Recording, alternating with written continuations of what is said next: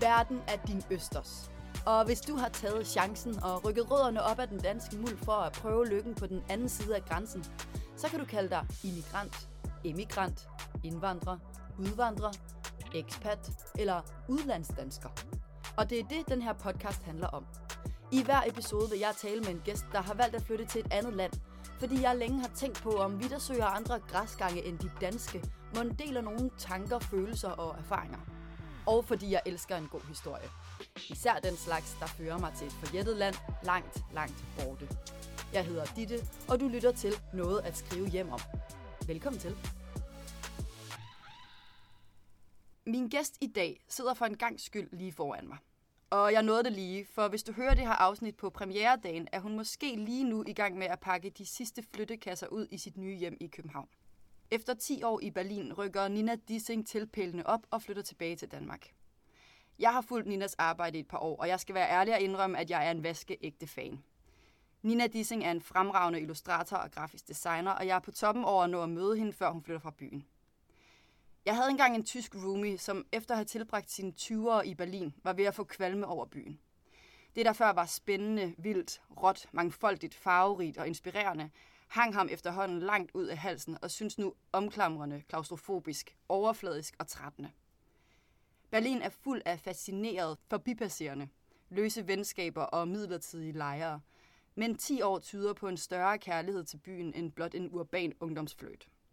Jeg er spændt på, om det er metaltræthed, der driver Nina ud af Berlin, eller lyst, der driver hende hjem til København. Hvordan føles det at stå på tærsklen til at forlade vores geliebte stad? Og hvem er kvinden bag de vidunderlige tegninger af København? Velkommen til podcasten, Nina. Tak skal du have. Sikke en introduktion. Ja. er du, bliver du generet? Lidt, ja. Jeg er meget glad for at møde dig. Jeg har bygget en hule i dagens anledning i min, i min finske roomies værelse. Sidder du ordentligt? Ja, jeg sidder så godt. Det er godt. Det er så hyggeligt herinde. det er godt. Øhm, det er jo næsten 10 år siden, du flyttede til Berlin. Ja. Vil du ikke fortælle lidt om starten? Jo, øhm, jeg flyttede til Berlin efter gymnasiet med en, en af mine bedste veninder. Øhm, vi gik i klasse sammen i Viborg, på Viborg Gymnasie, og øhm, vi havde ligesom snakket om, at, øh, at vi virkelig gerne ville prøve at bo i et andet land.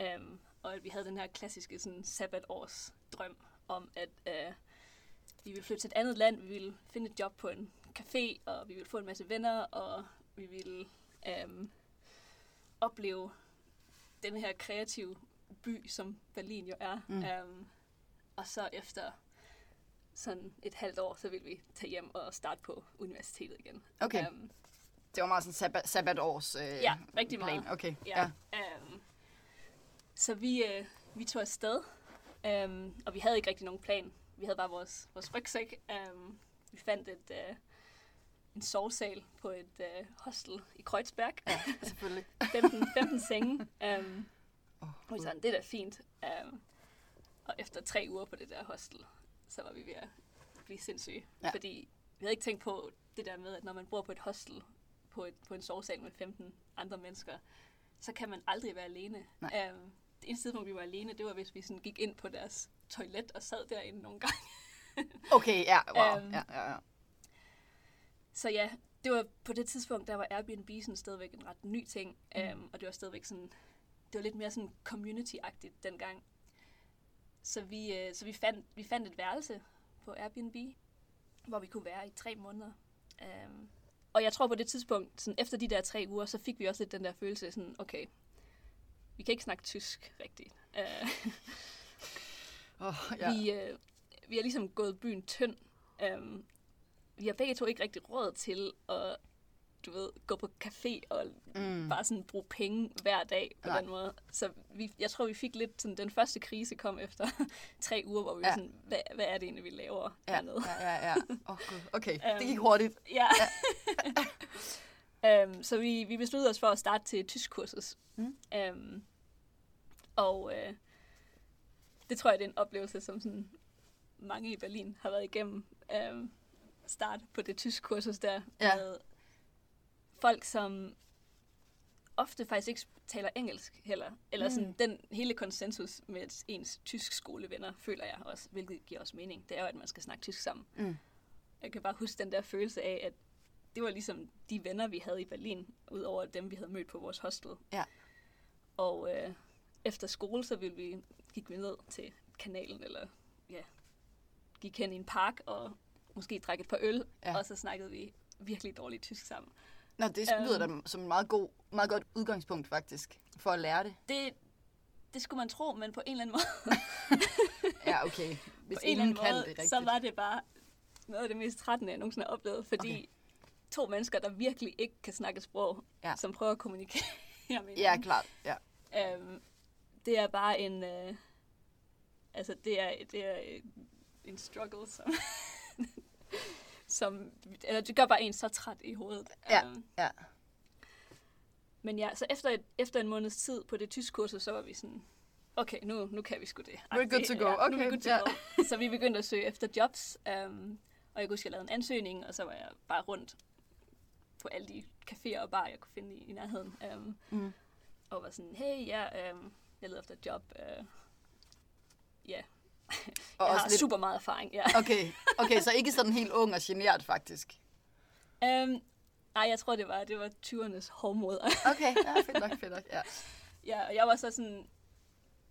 Øhm, jeg, jeg tror, jeg, jeg, jeg, kom forbi en eller anden random øh, butik, som jeg tror, de solgte sådan, øh, chicken wings eller et eller andet. Øhm, og jeg var sådan, nej, men lige godt prøve. Øhm, og da jeg stod der og prøvede på sådan mit virkelig dårlige tysk og forklare, at jeg søgte job, Mm. var der en, der var sådan på engelsk sådan, hey, leder du efter et job? Øh, Jeg har en bar lige omkring hjørnet, Nå, okay. og leder efter en ny, øhm, hvad hedder det? Bartender. Ja, bar, Ja. ja. nej, bar, ikke engang bartender, det var servitrice. Ja, ja, okay. Ja. Tjener. Tjener, ja. ja. Og jeg var sådan, åh, ja, fedt. Han var sådan, har du erfaring? Og jeg sådan, ja, ja, ja, ja, masser af erfaring. Han var sådan, kan du snakke tysk? Og sådan, ja, ja, ja, det kan jeg.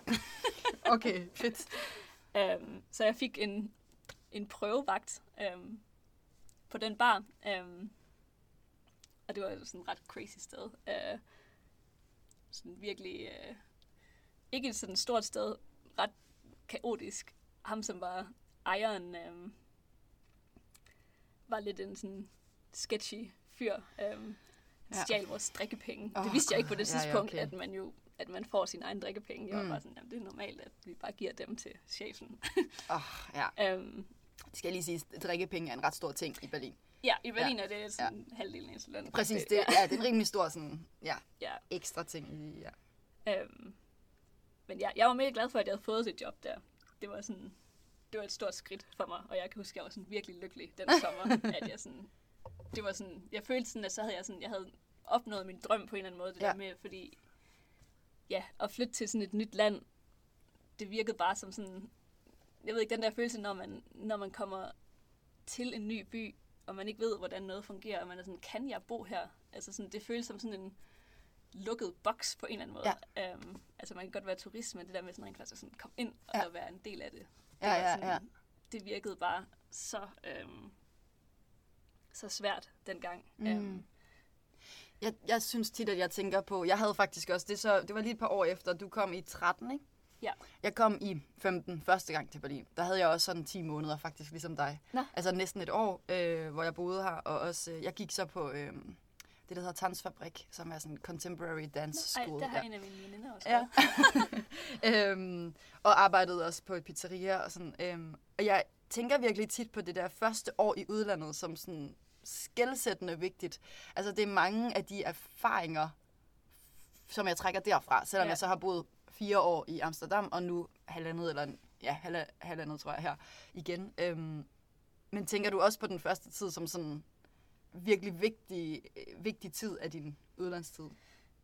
ja, helt sikkert. Øhm, jeg tror sådan, jeg tror, det, det flyt, vi lavede der, det var sådan, jeg ved ikke, jeg tror aldrig, jeg har haft så, mange sådan, så meget sådan eksistentiel angst på en eller anden måde. Præcis, nej, ja, ja, ja.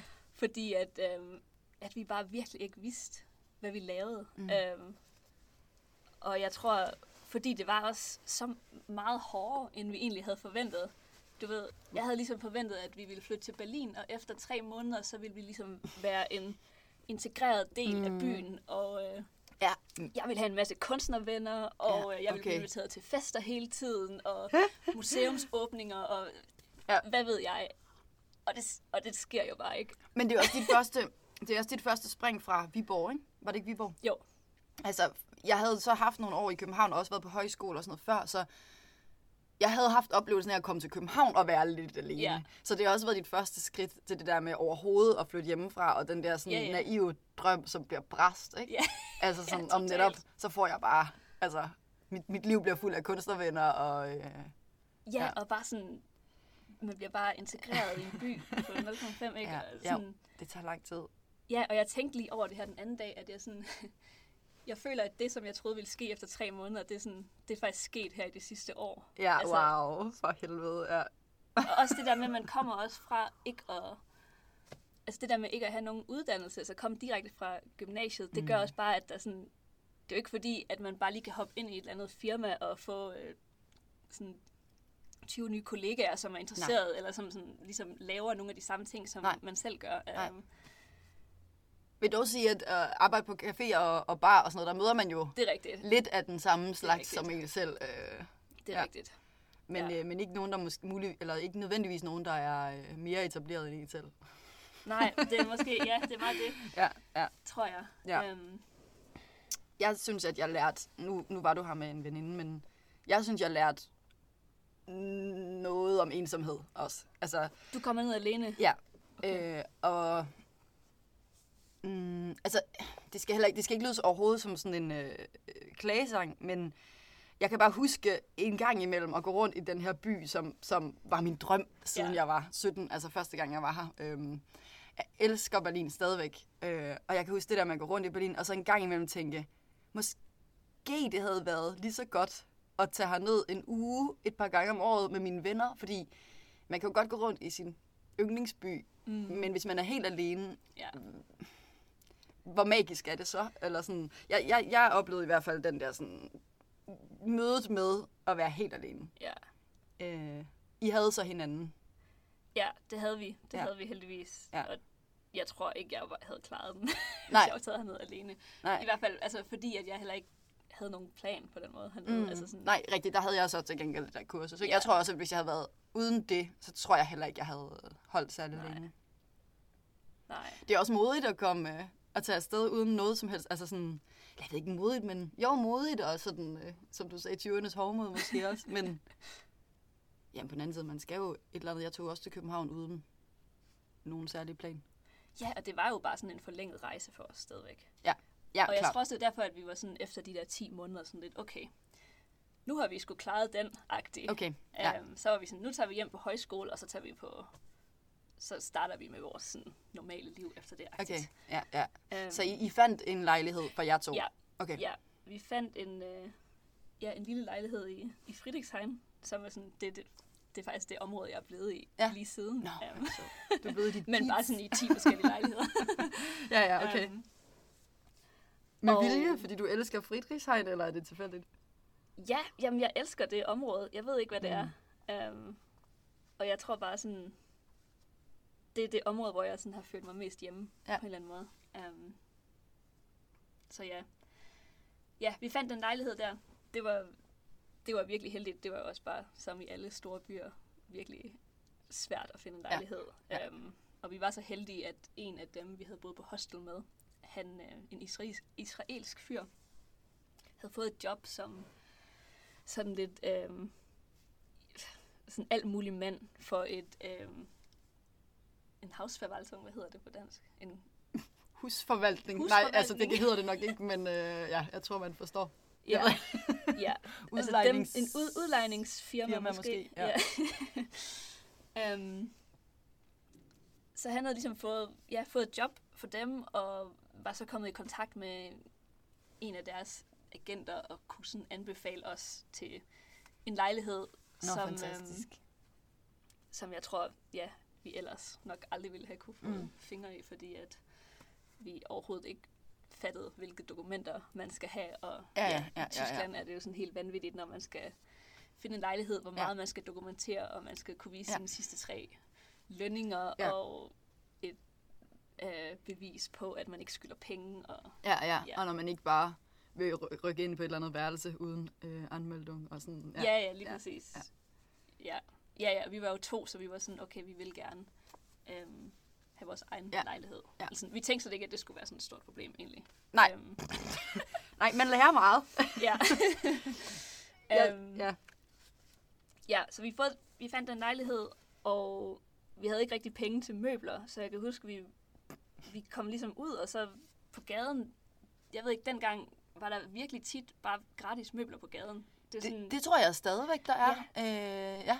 Det er sådan en ting det i Berlin, jeg. så putter folk et lille skilt, hvor der står Sufaschenken, sådan at Ja. folk ved, at det ikke er affald, men det er Ja. ja. sådan til at give Ja. til hvem end der kommer forbi. Ja. Ja, vi gør det hele tiden faktisk også øh, i min bygning, og Ja, der ja, går sådan ja, noget. ja.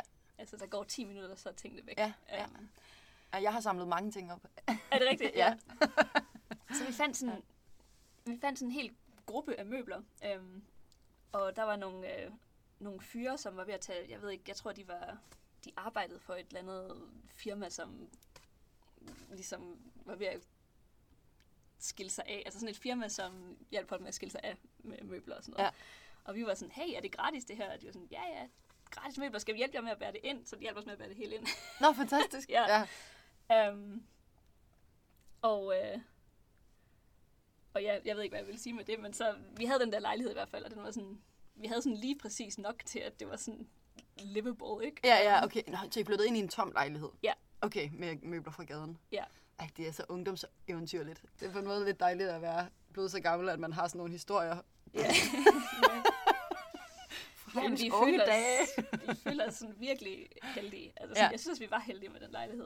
Ja. Um, men det var som om, det var ligesom om sommeren, og da det blev efterår og vinter, så sker der også bare et eller andet med Berlin. Mm. Uh, den bliver bare virkelig grå. Ja. Og Top. alt, som sådan var sådan lidt romantic før, føles sådan lidt mere sølle lige Ja. pludselig. Helt vildt. Ja, ja der, der er sådan en, øhm, jeg synes, der er sådan en øh, intern fortælling, især blandt expats, øhm, omkring det der med sådan, Berlin is a bitch. Altså, øh, jeg kan huske første gang, jeg var her nogensinde, der da jeg var 17, at jeg tog et postkort med hjem, hvor der stod, Berlin is a bitch, and then you marry.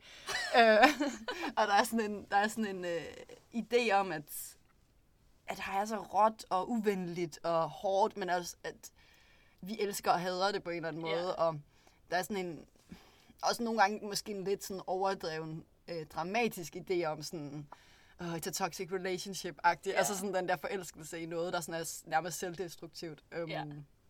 Men kan du genkende det? Ja, 100 procent. Ja. Jeg ved ikke, jeg føler bare ikke, jeg føler ikke, der er nogen anden by end Berlin, hvor, nu har jeg selvfølgelig også boet her, men hvor jeg så tit har sådan, bare sådan gået og grædt på gaden nærmest, ikke? Sådan, Okay, ja, ja. bare sådan, Altså fordi det er så råt, eller er det også den der sådan uvenlighed, den er kendt for, eller... ja, jeg ved ikke, jeg tror sådan, der er måske lidt af den der stemning, som, der, som jeg også har hørt, der er i New York, hvor der, er sådan, der er så mange mennesker på så lidt plads, Ja. øhm, at folk bare sådan bliver pisse irriteret på hinanden. Altså sådan, Mm, ja. jeg synes virkelig, at Berlin er sådan en by, hvor at, ja, hvis man... Du ved, jeg har aldrig oplevet et sted, hvor folk de sådan bare råber en, hvis man står i vejen for deres hund. Altså sådan, du ved... Eller Okay, sådan, ja, ja, ja. ja, jeg ved det ikke sådan i, i Netto. Altså sådan... jeg ved ikke, jeg synes sådan, alle, alle indkøbscentre i Berlin, ikke? Det er sådan, der er ingen af de der vogne eller sådan øh, kurve, vel? Man skal bare sådan finde en eller anden Ja, papkasse, du ved, som er tom. Ja. Sådan, fair nok. Og så når man kommer hen til, til kassen, så er der ikke det der... altså sådan, kassebåndet går ligesom ikke videre, Mm. mm. ligesom det gør i Danmark. Så man har ligesom måske 30 cm, hvor at ens ting de står, og så er det ligesom ens eget ansvar at få dem enten ned i en pose, eller få dem ned i sin Ja. ja. lille kasse igen, eller hvad ved Ja. jeg. Og hvis det ligesom ikke sker hurtigt nok, så bliver ekspedienten så, så indebrændt Ja. på en. ja. Der er, jo et, der er jo et meme, der hedder Frau Netto. Altså ja. et meme, som er over den fru Netto, som sidder og er rasende. Altså ja, sådan, men, på den måde, så tror jeg ikke, det er sådan, at- byen, eller sådan byen og menneskerne på den måde, der, sådan, der fik mig til at græde på gaden. Jeg tror Nej. bare, det var sådan, jeg tror måske, når man bor øh, langt væk, eller når man ligesom mm. er i en, jeg ved ikke, jeg tror sådan, i, i, i mit forhold med Berlin, så var det sådan også meget intens, så når tingene de sådan fucket op, så, øh, så virkede det bare sådan virkelig slemt, fordi jeg også var sådan, jamen, må jeg overhovedet være her? Jeg forstår ja. ikke deres breve, og du ved sådan, Ja, ja, ja, helt sikkert. tingene blev sådan lidt sat på spidsen, tror jeg, Ja. fordi at, øh, Ja. at jeg følte mig virkelig, ja, også som du sagde, sådan lidt alene også. Alene i verden, ja, helt sikkert. Jeg har en god ven, som, som på et tidspunkt sagde, at man skal have en kæreste i Berlin. Ja, Øhm, han sagde sådan, jeg bliver nødt til at finde en kæreste, fordi ja, det skal man have i Berlin. Og jeg tror, altså det er jo også sådan en, det er jo også spørgsmålet, om det er Berlin, eller om det er det der med at være altså, langt hjemmefra. Ikke? Ja. Men, men, men jeg tror også, at det handler lidt om den der tanke om, at det hele går meget hurtigt, og folk har hele tiden en ny plan, eller noget Ja. andet i ærmet. Eller, øh, og der er også rigtig, rigtig mange, som kommer her øh, meget kort, altså Ja. sådan en svingdørsby.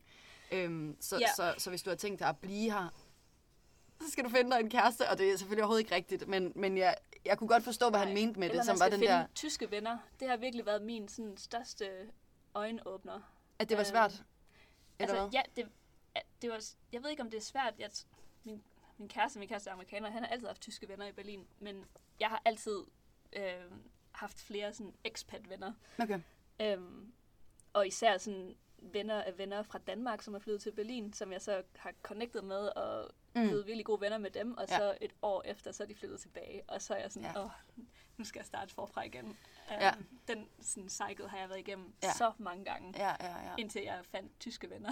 Men var det så bevidst, fordi jeg snakkede med, øhm, med Asta, som var i afsnit 2, tror jeg, øh, som bor i Island, og hun sagde på et tidspunkt, at hun bevidst holdt op med at opsøge øh, andre expats, fordi hun simpelthen oplevede, at folk kom og gik. Og at hun var sådan, nu, nu skal jeg have nogle islandske venner, eller i hvert fald nogen, som jeg ved har planer om at blive, fordi det Ja. er for hårdt, det der. um, nej, det var overhovedet ikke bevidst Nej. fra min side. Nej. Um, nej, det var, det var bare tilfældigt. Ja. Ja, okay, okay. Um, men, Men det ja, var det er nok en god strategi. Ja, ja klart. Øhm, okay, vi kommer tilbage til, til din historie. Nå ja. Du tog så på højskole efter de her 10 måneder. Ja. Øhm, Vi sagde lejligheden op og tog på højskole. begge to. Begge to. Ja, Ja, på i Danmark. højskoler. Ja. Ja, okay. Men lige før du tog på højskole. ja, lige før jeg tog på højskole, så øh, der mødte jeg min nu ekskæreste. Ja. Øhm, og øh, ja, jeg havde, jeg havde fået et job på en, på en kolumbiansk bar, og han, øh, Super. han, han er kolumbianer. Han mm. arbejdede øh, som kok der. Øhm, og ja, jeg tror tre uger før vi, før vi tog hjem, begyndte vi ligesom at være sammen. Øhm, Klassisk. og jeg blev mega forelsket i ham. Selvfølgelig. Øhm, Lige før man skal tage sig. Lige før vi skulle tage, tage afsted, ja.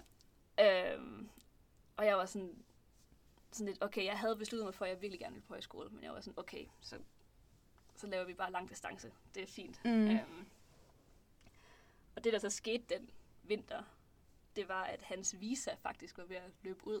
Okay. Og han var sådan, jeg kan ikke blive i Berlin, øhm, medmindre at, øh, medmindre at jeg bliver gift. Wow, okay. Ja. Og jeg var sådan, jeg er så vild med den her fyr. Um, jeg vil ikke have, at han skal blive nødt til at tage tilbage til Colombia. Så Ja. altså, det er alligevel for lang distance. Ja, okay, ja, klart. um, så jeg tilbød, at, uh, at vi kunne gifte os. Og det var sådan, det var en stor beslutning, men på samme tid så hjalp det lidt, at på den kolumbianske bar, hvor jeg arbejdede, der var det noget, som der sådan var ret mange, der havde gjort. Mm. Um, Så det og virkede folk ikke var så... meget sådan afslappet omkring det. Okay, det Jeg var ikke så ud farligt, Nej, eller- det var nej. ikke så farligt. Jeg fandt ud af, at Danmark er åbenbart uh, Europas Las Vegas. Okay, ja. ja. um, fordi det er bare virkelig nemt at blive gift i Danmark. Um, Ja. I Tyskland ja. okay, skal man ligesom øh, bevise sin kærlighedshistorie, så man skal Mm. øhm, ja, vise billeder, og man skal vise, at man bor sammen, og der, ved ikke, der er alt muligt Mm. der. Um, hvor i, Dan- i Danmark er det, skal man bare ja, melde sig til en, lave en, lave en, hvad hedder sådan noget, en termin. Ja, ja, ja, ja, ja, ja, hvad hedder det? En termin, en aftale, En aftale, ja. man skal man booke skal en tid. Ja. op, ja. Ja. Um, så det besluttede vi os for at gøre, og ja, efter vi havde kendt hinanden i sådan noget tre måneder på det tidspunkt. Uh, wow. um, Så imens du gik på højskole, blev gik gift i Danmark? højskole. Ja. Øhm, ja, jeg kan huske, at jeg var sådan... Jeg ville ikke rigtig sige det til nogen, du ved. Sådan lidt, åh, det er sådan lidt crazy, og Ja. jeg havde ikke lige sådan tænkt, at jeg skulle blive gift som 20-årig. Nej, nej, nej, nej, klart. klart. Øhm, Så det var ikke et kæmpe bryllup? nej, det var det ikke. Det var virkelig... Øh, Ej, min far, han kom, min far var der. Okay. han ville gerne være der, og jeg var sådan lidt, åh, oh, det var bare sådan, det var bare et visa-wedding. Ja, ja, ja. Men øh, Men det er også et kærlighedswedding. det var altså, det jo, er- det var det jo, ja. ja. ja. Øhm, og så var øhm, nogle af vores venner der, og så gik vi bare ud og drak en masse øl bagefter. Ja, fedt. Øhm, Og han kunne så blive i Berlin på grund af det. så kunne han blive i Berlin på grund af det. Øhm, Mm. Men det var til gengæld altså, også mere kompliceret, end jeg troede. Ja. Fordi det viser sig, at jeg skulle være, det skulle være muligt. Altså jeg skulle bevise, at jeg kunne forsørge ham. Ja. Og jeg havde jo ikke nogen indkomst på det tidspunkt, så det var sådan, Nej. det var sådan rimelig stress at deal med, øhm, Ja. altså rent faktisk deal med, deal med sådan integrations øh, myndighederne. Øhm, Ja, for og fanden. finde ud af, hvor også var, øh, ja, hvor, hvor sådan strenge de er. Ja. Og øh, selvfølgelig er der ikke nogen, der snakker engelsk, så man ville tro, at du er sådan, du arbejder på et Ja. ja. kontor, hvor det sådan kun er folk, der ikke er fra Tyskland. Så Ja. det ville måske være smart at også kunne et Ja. andet sprog, men Ja, det, hele der er ingen tysk, noget ja. i Tyskland på den der måde. nej. Nej. Øhm, men ja, vi kom igennem det, og det lykkedes, og jeg kom tilbage til, jeg kom tilbage til Berlin efter højskolen, Mm. mm. øhm, og var sådan, okay, nu er det sådan her, nu er det her, jeg skal bo, nu gør jeg det for real. Okay. Øhm, Og flyttede sammen med ham? vi Mm. flyttede sammen på et meget lille værelse med øh, fem andre kollegaer fra vores øh, bar, der vi arbejdede på. Ja. I en, i en såkaldt VG, som, Lige præcis, som ja. betyder Wohngeschaft. Wohngemeinschaft. Det glemmer man, Ja, fordi man bare kalder det VG, men ja, et bofællesskab. ja, lige præcis. Wohngemeinschaft. Genau. Ja. øhm. og øh, ja, så boede vi der i noget tid, og havde det nok begge to sådan, okay, vi vil gerne finde en lejlighed igen. Mm. Øhm, og det var selvfølgelig også svært igen, så vi flyttede ret meget rundt i noget tid. Øhm, men fandt så en etværelseslejlighed sammen. I. Friedrichshain igen. ja, ja. Perfekt. Og øhm, jeg havde... Ja, jeg ville, jeg ville gerne studere. Øhm, og jeg tror sådan... På det tidspunkt var, var jeg ikke helt sikker på, hvad jeg ville, men jeg, efter jeg havde været på højskole, havde jeg fundet ud af, at jeg ville gerne ville lave noget kreativt, og mm. Gerne noget med enten med kunst eller design. Øhm, og fandt så den her uddannelse i Berlin, som, øhm, som jeg virkelig ja, jeg synes, den lød godt, og jeg var henne og snakke med dem, og jeg havde sådan helt sådan kærlighedsagtig følelse Ja. bagefter, at det var sådan, jeg kunne bare mærke, at det var det rigtige for mig. Ja. Um, det er et privat universitet, um, som et meget lille privat universitet, og de havde lavet den her nye studieretning, som hed illustration. Um, og det var nogle sådan ret unge lærere, men dygtige um, lærere, som selv havde været, altså som selv var illustratorer. Um, Og var det på tysk? det var på tysk, ja. Hvordan var dit tyske blevet så godt, at du kunne gå på Øh. universitetet? Det var det overhovedet ikke, nej. Okay, okay. Det var sådan, det var okay, tror jeg. Jeg tror, at have arbejdet på en bar, Ja. øhm, det var sådan virkelig en god måde Ja. at lære det på. I hvert Ja, ja, fald ja. alt sådan, altså lære at forstå og lære sådan ja. kommunikere nogenlunde. Men Ja. altså min grammatik og sådan, var jo ikke særlig godt. Ja, Øhm, nej. Men jeg tror, sådan som dansker har man også bare virkelig en fordel, fordi der er så mange ord, der lyder Ja, helt vildt. Ja, vi forstår rigtig meget, Ja. før, vi, før vi kan snakke. Ja. I løbet af, altså, da jeg kom tilbage til Berlin igen, så var jeg igen på tysk kurser og sådan noget. Okay. Øhm, men den uddannelse var det, man kalder en professionsbachelor. Mm. Så det var en uddannelse, hvor jeg ikke skulle lave så meget sådan skriftligt. Og det, jeg skulle lave, mm. Som var skriftligt, kunne jeg skrive på engelsk. Der fik jeg lov til at aflevere det på engelsk. Um, Ah, okay. så Ja. det, var, det var en kæmpe hjælp. Um, og nogle gange, når jeg skulle præsentere, så præsenterede jeg også på engelsk. Fordi, Mm, okay. Ja. um, men jeg tror, på den uddannelse, det var der, hvor mit sådan, tysk virkelig... Altså, jeg, mit tysk har aldrig været så godt, som da jeg gik på den uddannelse. Fordi Okay. alle Ja. snakkede, alle snakkede tysk, og alt var på Ja, tysk. Og klart. du ved, når man lærer ting på tysk, så begynder man også at tænke på tingene Ja. ja. på den måde, fordi det er det sprog, man ligesom har Ja, ja, ja, selvfølgelig. fået det forklaret Ja, på. selvfølgelig. Um, men ja, som jeg, ja, som jeg også sagde der før, um, det var et privat universitet, men jeg fik så, jeg kunne så få SU med fra Danmark, som mm. kunne betale for alle universitetsomkostningerne, og så kunne jeg blive ved med at arbejde på, på barn der ved siden af, for at Okay. tjene penge til husleje. Og Og så hang det hele lige sammen. så hang det hele lige sammen, ja. Okay, i en etværelseslejlighed. Ja. Ja. okay. øhm, okay, så du gik der i tre år? Ja. Og, Havde et halvt år i København på praktik. ah, okay. Øhm, ja. Det var sådan en del af uddannelsen, at, at vi havde ligesom et semester, hvor vi skulle finde en praktikplads og Okay. få sådan arbejdserfaring. Ja. Øhm, Perfekt. Og hvor var du hen? jeg, var, jeg var ude hos Anders Morgenthaler, Ja. Skønt. som har ja. Ja. øhm, ja, det viser sig faktisk, at han har sådan et lille produktionsfirma. firma.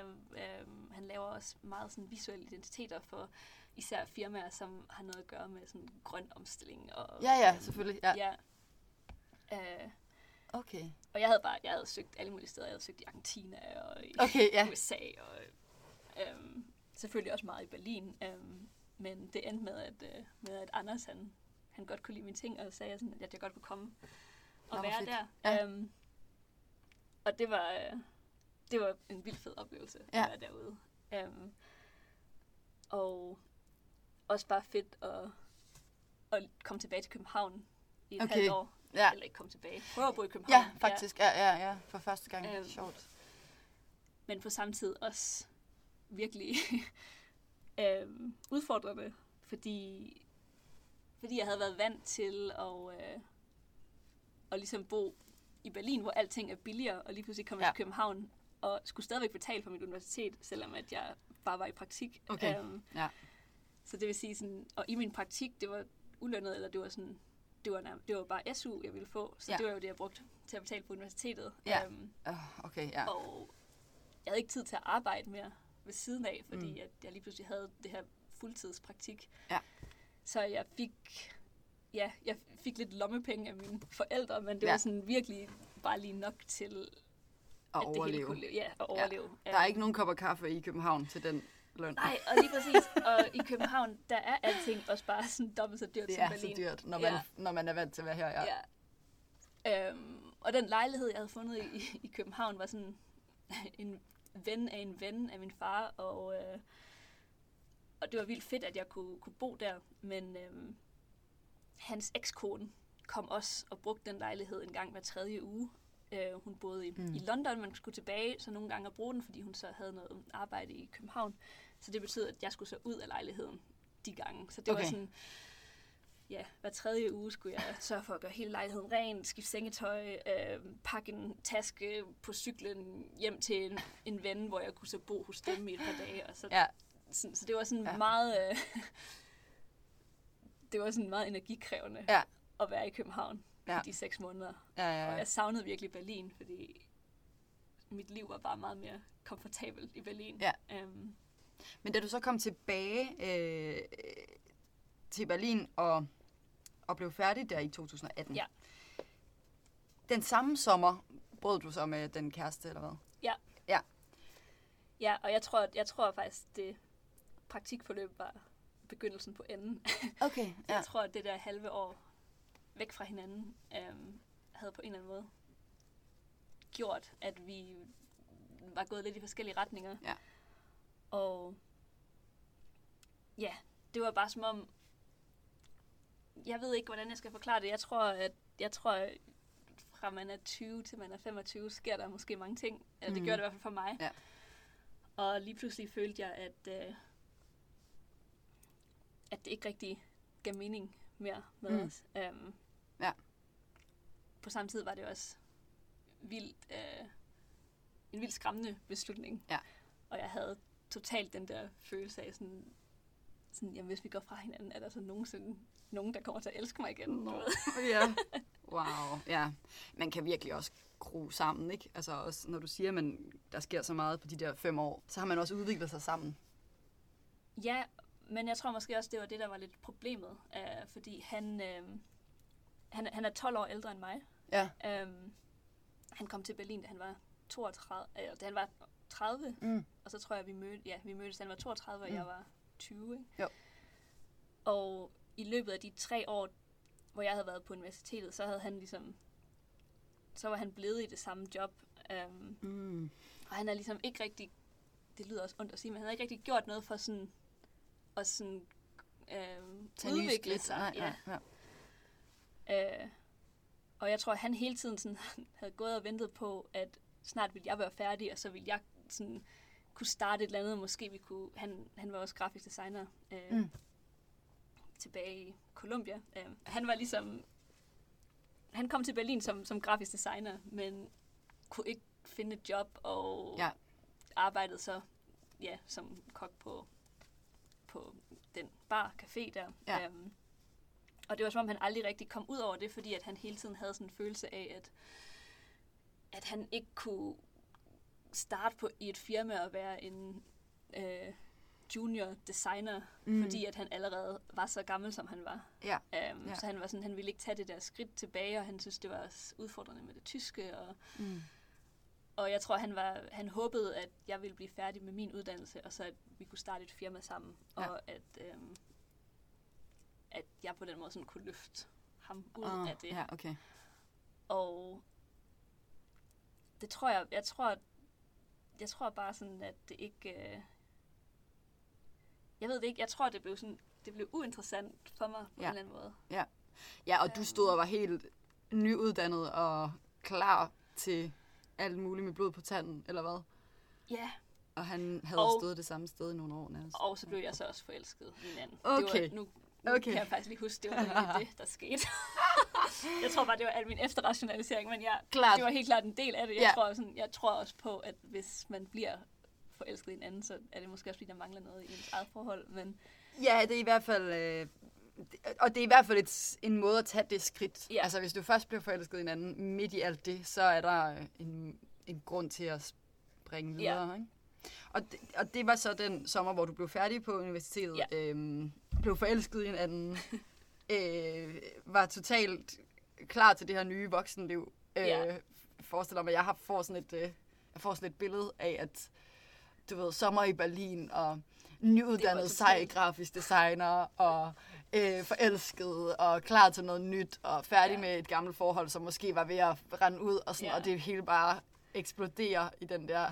det var en vanvittig tid. Ja, Øhm, ja, ham jeg blev forelsket i, han ville, han ville ikke have mig, Nå, faktisk. så det okay. var sådan, på den så måde ikke helt lykkeligt. Sådan, ikke helt lykkeligt, men det fik mig til at tage springet Ja. og være sådan, okay, nej, vi skal ikke være sammen mere. Øhm, og jeg fandt et værelse øhm, hos en kunstner, en øh, sådan ældre fyr, eller han var sådan nok i slutningen af 40'erne, Mm. øhm, og som, ja, han, øh, han var bare meget sådan, han var meget det, som jeg ville ønske, at, at jeg kunne være på det tidspunkt. Okay. Øhm, så jeg flyttede ind på det værelse der hos ham, og han var sådan virkelig sådan, ja, inviterede mig med til alle mulige ting, og sådan, Ja, så jeg okay. følte virkelig sådan, alle muligheder var åbne. Ja. Um, og jeg downloadede Tinder for første gang. Du Ja. ja. ved, jeg har bare hørt om Tinder siden, uh, Ja, ja, siden jeg var 20, eller siden jeg var, jeg kan ikke huske, hvornår det kom. Ej, det- var ja, sådan, men- det var i hvert fald efter, at jeg havde en kæreste. Ja. Um, så jeg var så uh, excited over at skulle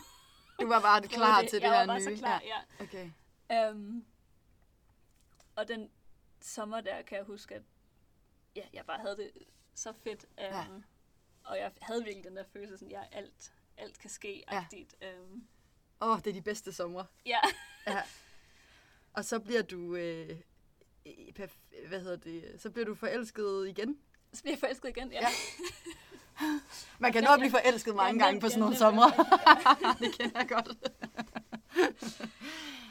ja, der den sommer, lige da jeg var ved at så, ja, ved at um, graduate, hvad fanden hedder det, Øh, tag afgang. til afgang. Eller blive færdig på Ja. universitetet her. der mødte jeg min nuværende kæreste, um, Adam, um, på Tinder. uh, og jeg tror sådan, det der sådan virkelig fascinerede mig ved ham dengang, var at han, um, ja, han, er, han arbejder med sådan finance Okay, ja. management. Helt anden... Øh, helt anden Ja. ja. type, altså sådan helt anden, øhm, helt andet sådan liv på den måde. Ja. Og, øhm, og jeg kan huske på det tidspunkt, jeg havde ikke rigtig sådan nogen venner, som sådan arbejdede i firmaer i Berlin. Alle var, alle var enten sådan i restaurantbranchen, Ja. eller øh, freelancer, eller sådan havde alle mulige sådan spøjse jobs, ikke? Jo. Øhm, og med ham var det sådan, jeg kan huske, det var så fascinerende, at han ligesom var bare i en helt anden verden. Ja. Um, ja, han er, han er amerikaner, um, og var også sådan blevet færdig med, sin, med sit college, da han var sådan noget 23 eller sådan noget. Ja. Uh, så han havde ligesom sådan på det tidspunkt allerede sådan noget seks års erfaring uh, På på arbejdsmarkedet. arbejdsmarkedet. Ja. ja. Og jeg tror sådan, fordi at jeg, jeg var freelancer, og følte også bare, at jeg var så dårlig med penge. Um, Ja. Så jeg følte, det var sådan vildt sådan inspirerende at snakke med ham om, hvordan man kan sådan, ja, ligesom hvordan man kan sådan blive mere succesfuld på sådan hele der business Ja. øh, siden. Og jeg tror sådan, han synes, det var sjovt, at, at jeg ligesom overhovedet ikke havde den der sikre vej. Ja. Um, men, øhm, men ja, vi så hinanden i, på det tidspunkt, der tror jeg, et, et, et par måneder. Øhm, og, og så fortalte han mig, at han ligesom, at hans ekskæreste havde skrevet til ham, at de var gået fra hinanden sådan, der i foråret. Okay. Øhm, fordi hun ligesom ikke var klar på at gå all in og nu den klassiske, hvor at Ja. jeg tror, hun kunne mærke, at hans energi var ligesom ikke mere på hende, så Okay. var hun sådan, ah, jeg fortryder det, og lad os prøve igen, og Ja. du ved. Okay. Øhm, så han var sådan, ja, det bliver jeg simpelthen nødt til sådan lige at udforske. Øh, okay. Det er jeg ked af. Øh, og jeg tror på det tidspunkt, var jeg, tænkte jeg sådan, okay, det er nederen, men det var også bare sådan en, altså, så lang tid har vi ikke kendt hinanden. Nej. Det er fint nok. En flirt, øh, ja, ja. Vi var jo ikke, altså, vi var jo ikke kærester eller noget. Nej. Øhm, men det var sådan et underligt heartbreak, fordi jeg tror på en eller anden måde, var det sådan, det var sådan et dobbelt heartbreak, fordi jeg havde virkelig ikke, det lyder også sådan, måske uschammerende, men jeg havde virkelig ikke været, været overhovedet ked af mit mm. brud med min ja, Ja. kolumbianske ekskæreste, Ja, ja. eksmand. Ja, nå ja. Men sådan noget kan jo godt komme øh, ja, det var på bagkant. Ja. lige pludselig var det bare sådan, så følte jeg mig nemlig så alene. Øh, Ja. Og bare sådan, ja, savnede, øh, savnede Adam. Virkelig. Altså, det var som om, at med, med, med Adam, der, der blev det bare sådan, det blev værre og værre, det der heartbreak, Okay. i løbet af, at det blev Altså, mere det og mere var vinter fandme i ham, Berlin. det skulle ja. være. Eller hvad? Jamen, jeg kendte ham jo ikke engang så Nej. godt på det tidspunkt. Nej. Jeg tror mere, jeg havde sådan... Jeg tror, fordi i det efterår der, der blev det, altså der blev min, min freelancing-karriere blev ligesom mere og mere øh, tough, eller sådan mere og mere hård. Ja. Og jeg tror måske, at jeg sådan ubevidst havde følt, at han sådan kunne være den, der sådan trak mig ud af det. Altså Ja. sådan, ja, jeg kan, ikke, jeg kan ikke helt forklare det, men Nej, ikke sådan finansielt, at han ville komme og give dig penge, men, Nej, men fordi han på en eller anden måde repræsenterede noget styr på det. Ja. Ja. Jeg kan huske, jeg følte sådan virkelig også, at han var sådan out of my league Nå, af en eller anden grund. okay. Altså sådan, jeg ved ikke, jeg havde sådan et billede af ham, at han var sådan en eller anden, øh, jamen sådan en, en helt anden samfundsklasse end mig. Okay, hvilket ja, lyder er så sjovt, ja. underligt. Det er, sådan, Ja, ja. det er aldrig noget, jeg sådan har tænkt over i, Danmark. Det har jeg aldrig noget tænkt Nej. over sådan siden, vel? Men, Nej. men på det tidspunkt, der havde jeg virkelig den følelse, fordi det var bare sådan en, der bare havde sådan styr på sit liv.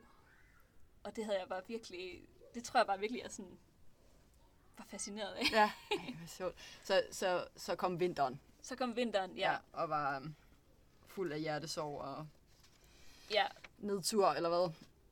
ja det var... Øh, ja, jeg boede stadigvæk på det værelse der, hos ham kunstneren. Øhm, men øh, blev nødt til at flytte ud derfra, fordi at, øh, ja, Åh, han Gud. skulle også bruge sit værelse igen og sådan noget. Okay. Og det havde været sådan et...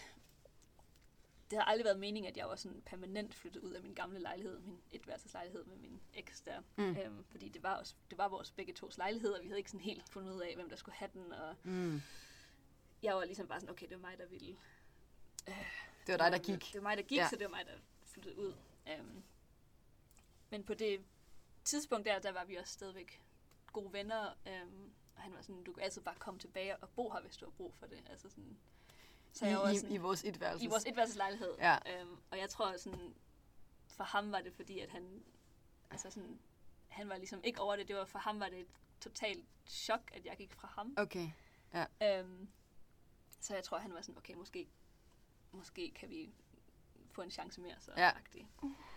Og jeg var bare sådan, jeg ved ikke sådan, om du kender sådan det begreb, sådan cuffing season. du ved, at det er sådan lidt hele den der med, at sådan, om sommeren, så er det mega fedt at være single og bare Klart. være Ja.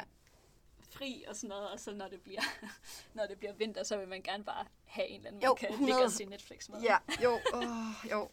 Og det tror Og det er bare lidt sådan- farligt, hvis det er ens ekskæreste, som er meget Ja, ja, vild med en. 100%. Åh, okay, ja. Ja. Så jeg var sådan, okay, jeg, jeg kommer tilbage. Jeg flytter tilbage. Men, sådan, men vi er ikke sammen. Um, og jeg flyttede så tilbage der i den lejlighed, og um, kunne, bare, kunne bare mærke, at der var, altså, det var virkelig over for Ja, mig. ja. Så det var sådan 100% platonisk forhold. Um, men, uh, men det gav mig noget ro, at jeg i det mindste var hjemme. Mm. Um, og på det tidspunkt sagde han, min eks der, at, um, at, jeg, at jeg kunne få lejligheden. Okay.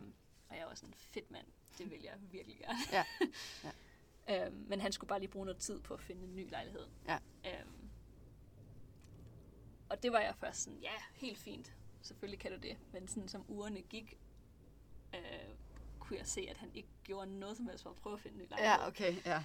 Så der blev sådan mere og mere tension. Øhm, og der begyndte jeg at tænke, okay, måske det er nu, jeg skal forlade Berlin. Øhm, måske jeg bare skulle tage til København. Ja. Ja. Plus at jeg var mega heartbroken stadigvæk Ja. over Adam. Oh, Og Gud. der var bare et Ja. eller andet også utroligt frygteligt ved at ligge i den samme seng som sin ekskæreste, og bare tænke på Ja, den hinanden. fyr, som dumpede en. Åh, oh, Gud. Åh, oh, Gud.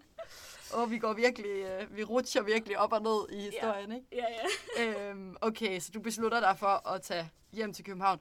Ja. Det Ja. lyder også bare virkelig som sådan nedtur. Altså, åh, Oh, nu. det var så frygteligt. Ja. Ja. ja. Og jeg røg bare sådan en pakke cigaretter om dagen, kan jeg huske. Ja. Fordi jeg bare var i sådan en underligt, ja, destruktivt humør også, Ja. kan jeg huske. Ja, ja. Um, jeg kan huske den, den, det nytår, du ved, jeg ved ikke, jeg har også sådan, jeg har aldrig været fan af nytår. Mm. Jeg bliver altid sådan lidt nostalgisk på en eller anden måde, men jeg føler også altid, det er sådan et tidspunkt, hvor jeg sådan kommer til at sådan, jeg gør sådan opgør over mit eget liv på en eller anden måde. Ja. Og øh, jeg kan bare huske det nytår, øhm, at jeg var sådan, okay, jeg har ikke en kæreste, jeg har ikke en lejlighed, og jeg har ikke et job. Ja. Det var sådan, jeg havde det. Oh, ja. Og jeg var sådan, normalt er der bare sådan en af de ting, der Ja. kører, ikke? Altså Jo. sådan, Jo, jo, jo. Ja, så jeg kiggede i København, og det viste sig så, at en, af, en ven af en ven øhm, udlejede et værelse i tre måneder øh, i et kollektiv. Og jeg var mm. sådan, ja, perfekt. Ja. Det er det, jeg gør. Ja. Og den januar havde min far inviteret mig med til, til Thailand. Ja. så jeg var sådan, okay, jeg tager, jeg tager til Thailand med ham. Um, jeg har en fætter, der bor dernede. Um, Mm. Så vi var boet nede ved ham i hans hus. Um, og efter det, så, så flyttede jeg til København. Og på den tur i Thailand, begyndte Adam at følge mig på Instagram. du ved, det er også den klassiske, lige når man begynder at Ja. få det lidt godt igen. Ja, 100. Ja. Så begyndte han at følge mig. Um, og jeg kan huske, at sådan noget, vi altid sådan havde joket med, da vi, var, da vi så hinanden, det var sådan, at han overhovedet ikke var artsy. Ja. Um, og min Instagram er fyldt med illustrationer. Ja. Um, så jeg var sådan, hvorfor, hvorfor er han begyndt at følge mig? Um, Mm. Ja, okay, klart. Det var ikke for tegningerne, tænkte du. ja, så Ja. jeg skrev til ham inde på Instagram, og jeg var sådan, jeg troede ikke, du var artsy. Ja. Um, og det startede ligesom sådan en samtale, hvor vi begyndte at ja, bare sådan skrive, hey, hvordan går det? Og, Mm. um, og jeg turde selvfølgelig ikke spørge, om han stadigvæk var sammen med hende, kæresten der. Nej.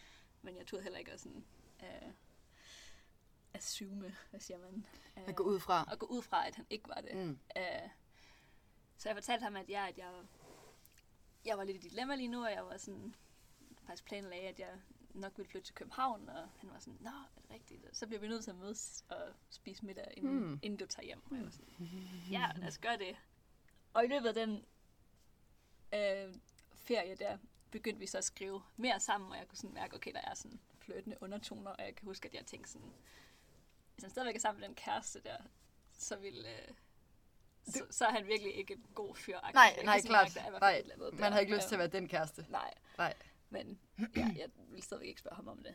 Um, men ja, det, jeg kan huske, at det var sådan den følelse af at være forelsket på den måde. Og igen den der måde med, at det sådan, når jeg sådan tænker på det nu, så var det jo også 100% sådan det billede af ham, jeg bare havde skabt i mit eget hoved, ikke? Jo. Men jeg tror, sådan, der er nærmest ikke noget, der er så berusende, som når der er en person, der har vraget en, og sådan totalt sådan ødelagt ens egen selvtillid. Og det kan jeg i hvert fald huske, at jeg virkelig følte den der sådan, Ja. okay, jeg er ikke god nok til ham. Okay, ja. Øhm, det, at han sådan ville se mig igen, og at jeg kunne mærke, at der var den der interesse fra hans side, Ja. det var bare sådan et rush, som okay. jeg sådan nærmest aldrig tror, jeg har oplevet sådan Okay. før ja, eller ja. siden. Altså sådan, Mm. sådan, jeg kan huske, at øhm, der dagen før vi skulle, øh, vi skulle mødes, havde vi sådan skrevet sammen, og sådan, han havde skrevet et eller andet, som var sådan, okay, det kunne bare ikke misforstås, at han sådan var interesseret i mere. Okay. Øhm, og jeg kan sådan huske, at jeg synes, at alle farverne i, i, den, i caféen der, jeg kan huske, at jeg synes, de var sådan skarpe, og jeg var sådan, Ej, hvor er det altså sådan, ja. det er jo vanvittigt, Ja. ja. ja. Øhm, og jeg kunne bare ikke stoppe med at smile, du ved. Oh. Han har bare været god, altså. ja, ja. det er han. ja. Øhm, men ja, vi mødtes så, øhm, og havde bare sådan en perfekt aften. Øhm, og på et tidspunkt, hvor vi havde, ja, vi havde spist øhm, pizza, og vi var henne på en bar bagefter på nogle drinks, og på et tidspunkt, så tog han min hånd, og så kyssede jeg ham.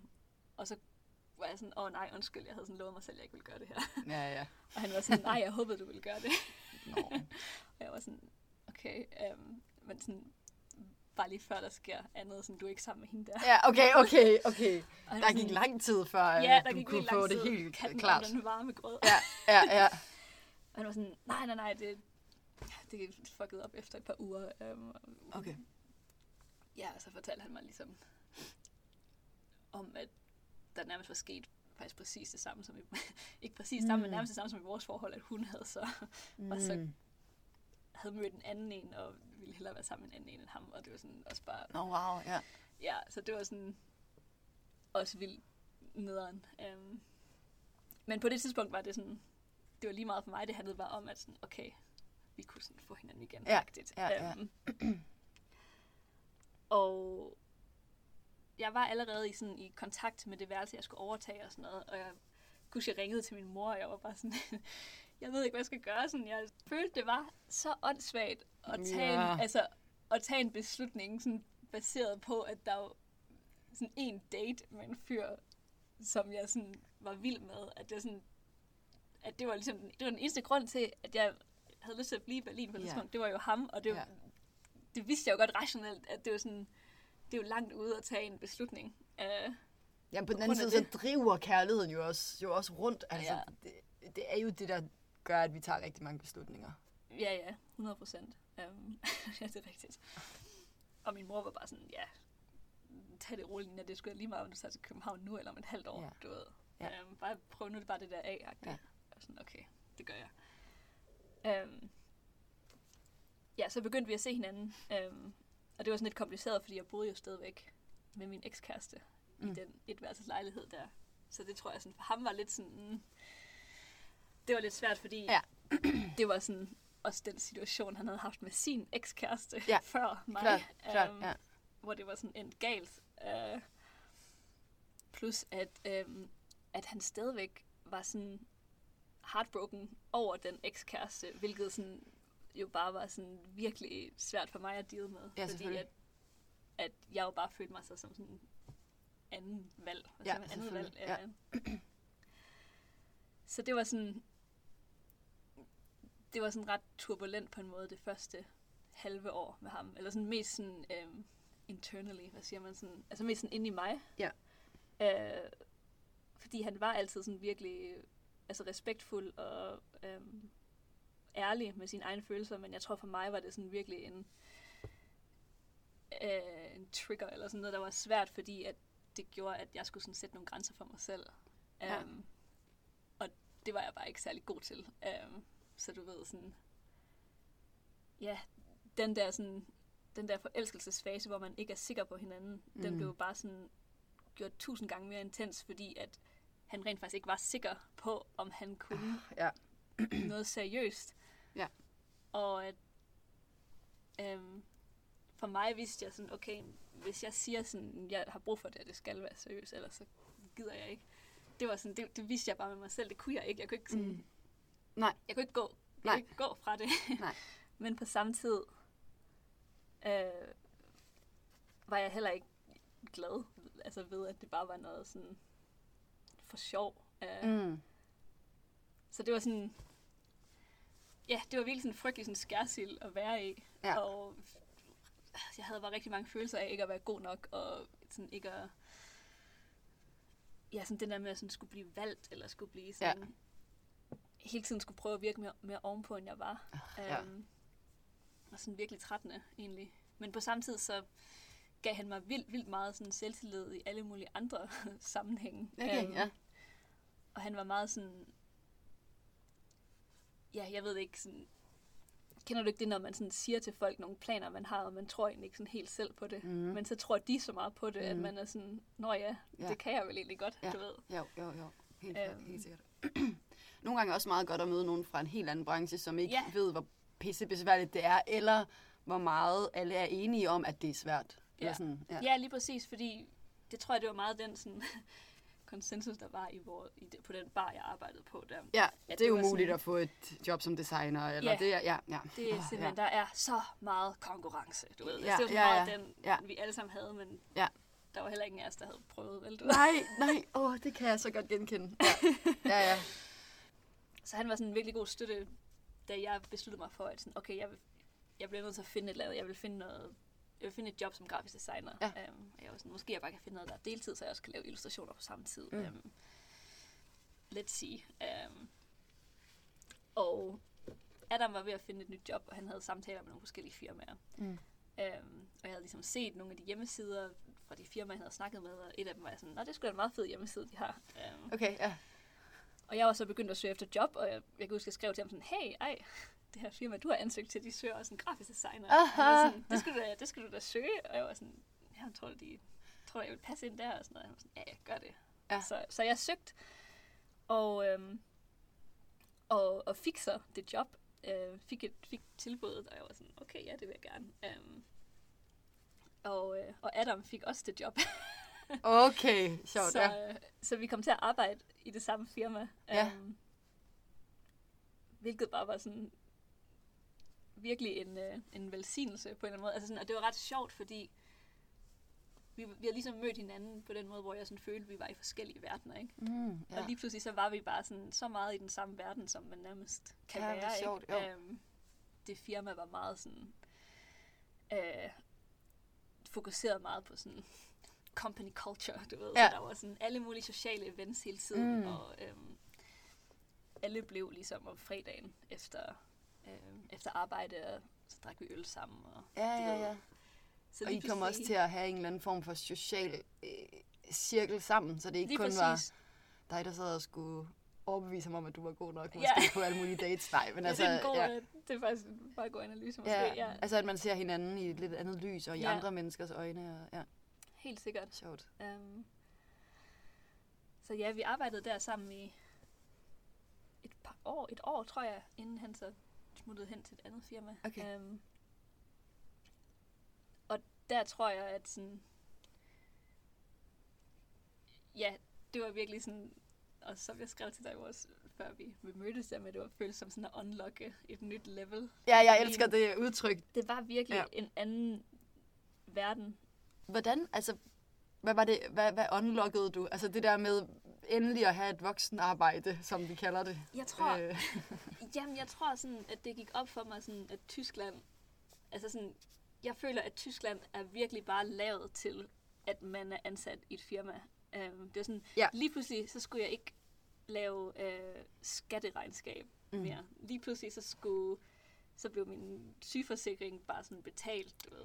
Jeg skulle overhovedet ikke tænke på ja. det. Um, Klart. Ja, det er virkelig, altså det, og det tror jeg også er svært i Danmark, men så vidt jeg forstår, så er Tyskland øh, altså mester i at gøre det besværligt at være freelancer, eller at være øh, 100%. selvstændig. oh, og de der, de der breve, man får Det er fra så meget sådan konservativt land. finansamt, det er Ja. sådan, de er skrevet på sådan en måde, så man skal nærmest være advokat for at forstå dem. Ja. Um, Ja. Så det er så skræmmende, og de skriver det mest skræmmende til at starte med. De skriver sådan noget, ifølge paragraf 15, øhm, hvis du ikke svarer på det her brev inden for to uger og giver de og de dokumenter, så kan vi give dig en bøde på 30.000 euro. Ja, men altså, ja, ja, ja, ja. Og du ved, jeg havde sådan situationer, hvor jeg kom ned der på det der finansamt med sådan tårer i øjnene og sådan, Helt rystende. Ja. sådan, jeg ved ikke, hvad jeg skal gøre, jeg har fået det her brev, og de var sådan, "Ah, det skal du ikke bekymre dig om. Det, altså, du vil kun skulle betale den bøde, hvis du sådan har snydt i skat for over en million euro. Ikke? Altså sådan, ja. Så det var bare sådan virkelig... Og jeg tror, at sådan, tyskere de bliver også mere sådan hårdhudet med de Okay. der breve. Okay, ja, ja, fordi man får dem indtryk. hele tiden. Og, ja, måske. Ja, ja, de ved godt, at sådan, okay, det, Ja. de spiller bare med musklerne. Ja, ja. Ej, men altså, ja. Men altså sådan, når man er vant til sådan den danske sådan, hey Nina, øhm, hvis du har tid, så kunne det være godt, hvis du lige kunne gøre det." Ja, ja, ja. Hvis du har tid til at lave din skat. Ja. øhm, ja, så det var, sådan, det var en sikkerhed, som jeg sådan aldrig havde følt før i, i Berlin, og sådan en lethed. Altså det var sådan, lige pludselig skulle jeg bare ikke bruge energi på at tænke på alle de der, alt det der papirarbejde, og sådan, jeg havde helt tiden sådan en underlig sådan, følelse, før at jeg, sådan, jeg falder igennem systemet lige om lidt. Du ved, Ja. ja. sådan, jeg, jeg Ja, blev ja. en af de der, please mind the gap, og så er jeg Ja. sådan, ja, ja er jeg hjemløs. Ej, jeg ved det ikke. Ja, ja, ja, men altså, ja. Jeg følte sådan, jeg var, ja, med røven i vandskorben, så det hele var sådan, uh, nu håber jeg ikke, at der sker et eller andet. Um, Ej. og så lige pludselig så var det sådan, okay, hey, hvis jeg er syg, så skriver jeg bare lige til min chef, at jeg er syg, og så skal jeg ikke, jeg skal ikke finde en anden en til at dække min vagt. Altså sådan, Ja. Ja. jeg kan planlægge, hvornår jeg vil tage ferie og få Ja. løn på samme tid, og Ja. øh, det der med at være sammen med, altså arbejde med en masse mennesker, som er sådan på min egen alder, øh, som, hvor man har det samme schema. Det var også meget det, der var sådan Mm. en kæmpe øh, forskel. Det der med sådan, hey, jeg arbejder fra mandag til fredag, og så har jeg hele weekenden fri, Mm. og alle har fri hele weekenden. Og jeg har jo også fri klokken 4 eller 5 eller hvad hver dag. Ja, Eller hvad? ja, Ja, ja, lige præcis. Ja. Um, det var virkelig sådan... Det var virkelig sådan en... Um, en helt vildt fed tid, det job der. Mm.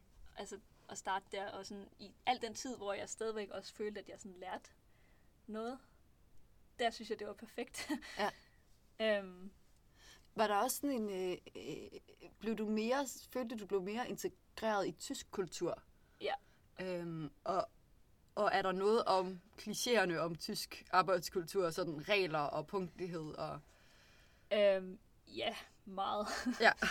Jeg kan huske, min, min teamlead på vores hold der var, hun- er tysker, var tysker. Um, og du ved, det var sådan en, et internationalt minded firma, så deres øh, firmasprog var engelsk, du ved, øh, internt. Um, Mm. de havde selvfølgelig mange tyske kunder, hvor al kommunikation er på tysk. Um, men jeg kan huske, at jeg kom der, altså der stod på hjemmesiden, hey, fleksible arbejdstimer, um, Okay. mulighed for at arbejde hjemme, og du ved, så kom jeg hen til min samtale der, og hun var sådan, ja, øhm, hvornår vil du møde om morgenen? Øhm, du kan vælge mellem fra klokken 8 til klokken 9. og jeg var sådan, Ja, okay. øhm, okay, måske 8 er lidt tidligt, hvad med, okay, halv 9. Okay, og sådan, okay, fedt, øhm, så vil jeg gerne have, at du er der klokken halv 9. Ja, Øhm, okay. Hvis du er 10 minutter for sent, så må du gerne lige skrive, du ved. Og Okay. sådan, Oh, okay. Ja. Um, og det samme med frokostpauser og sådan noget. Altså, Ja. Det hele, det var meget sådan på På minuten det var meget på minuttet. punktligt, Ja.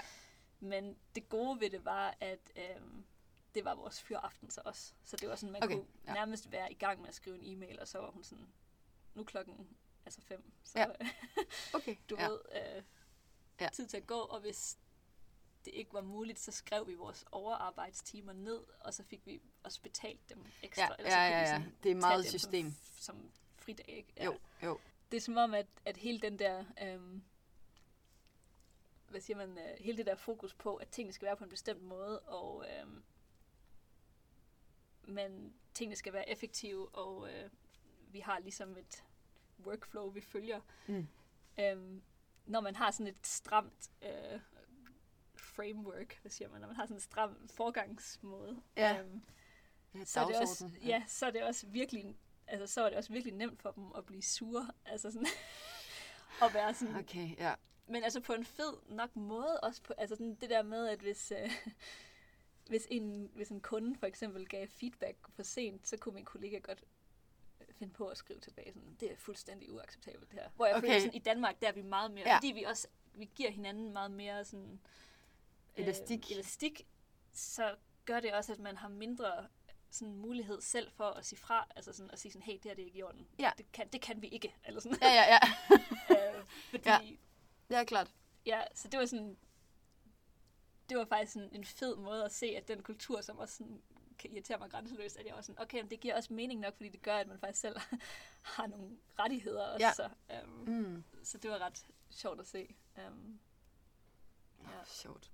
Det gjorde så, at du ikke havde så meget tid til dine egne ja, projekter og tegne. Øhm, du fik øhm, lyst til noget andet, eller ja. blev træt af det der med ikke at have så meget tid.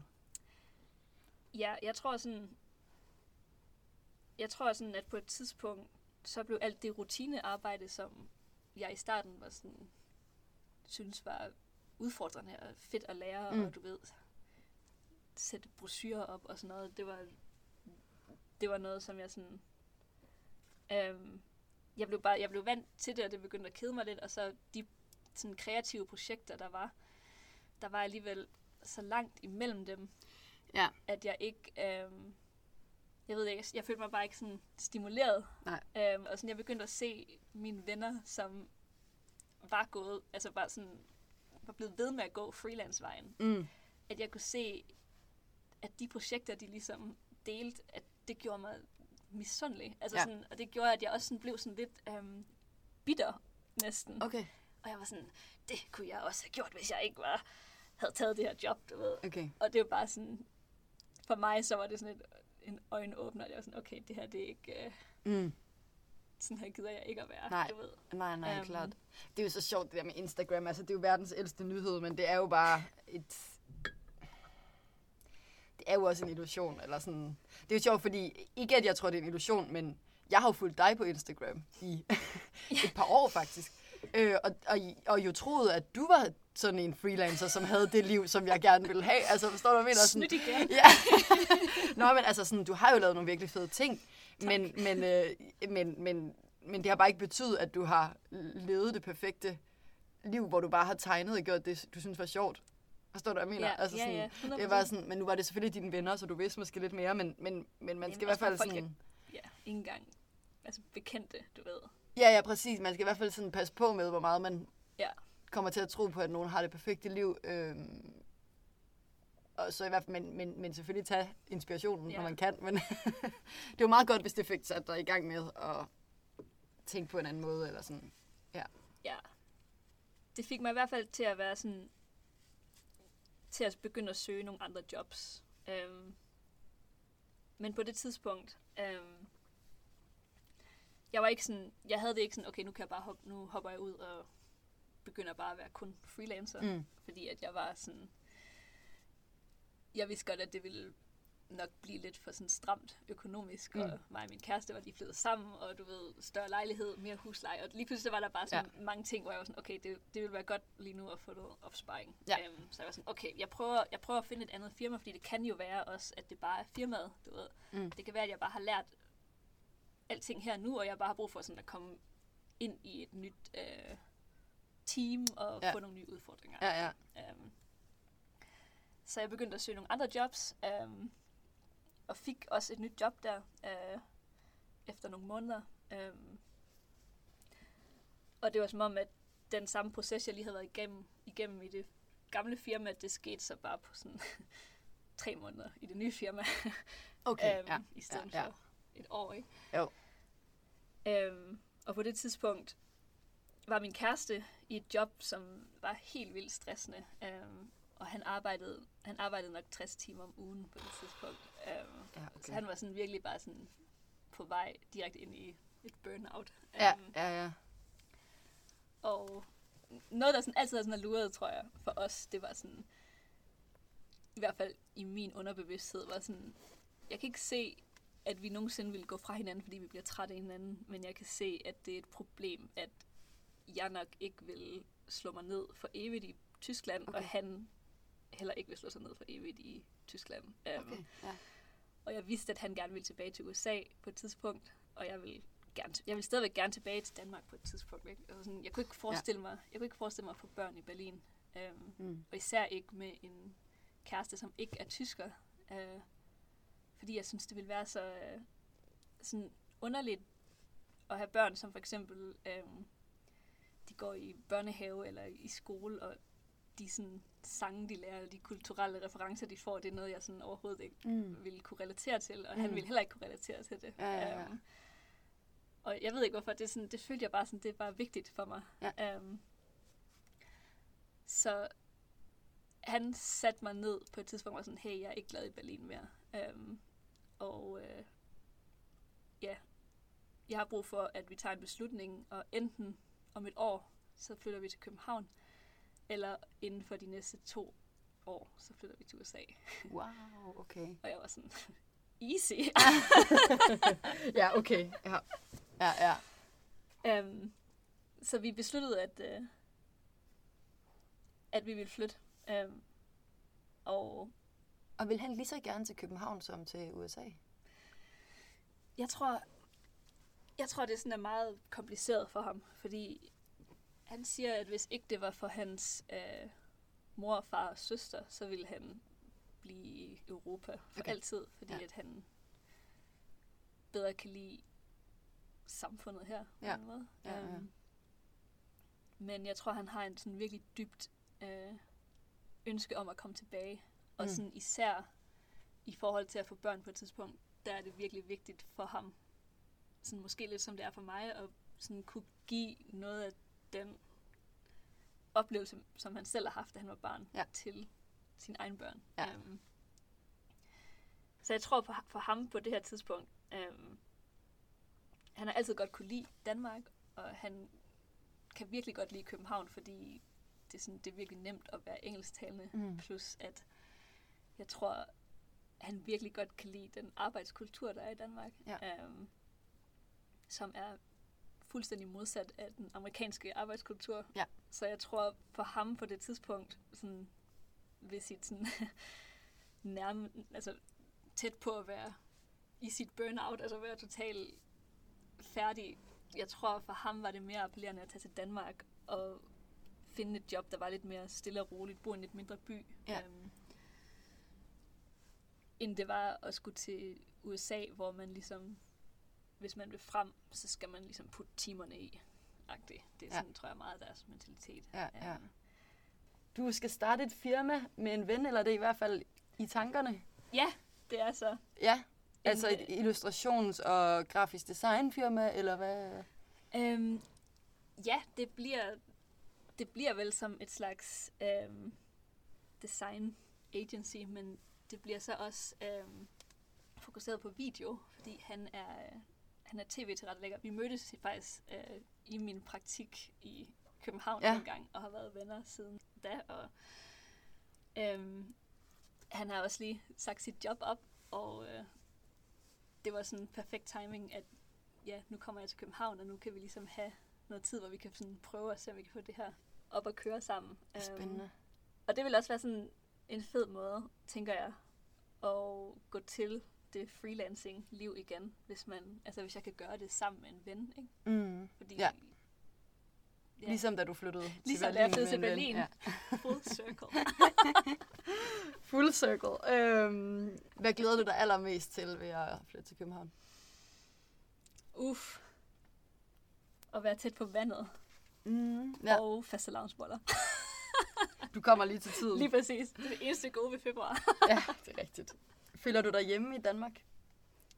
øhm, ja, det gør jeg. Føler du dig hjemme i Tyskland? Ja, rigtig meget. I Berlin, ja. Måske ikke i Ja. Tyskland, men Og hvor bor du om 10 år? ifølge Adam bor vi i Denver. Okay. Let's see. Nina, tusind, tusind tak. tak, fordi Det var virkelig en fornøjelse. Det var virkelig hyggeligt.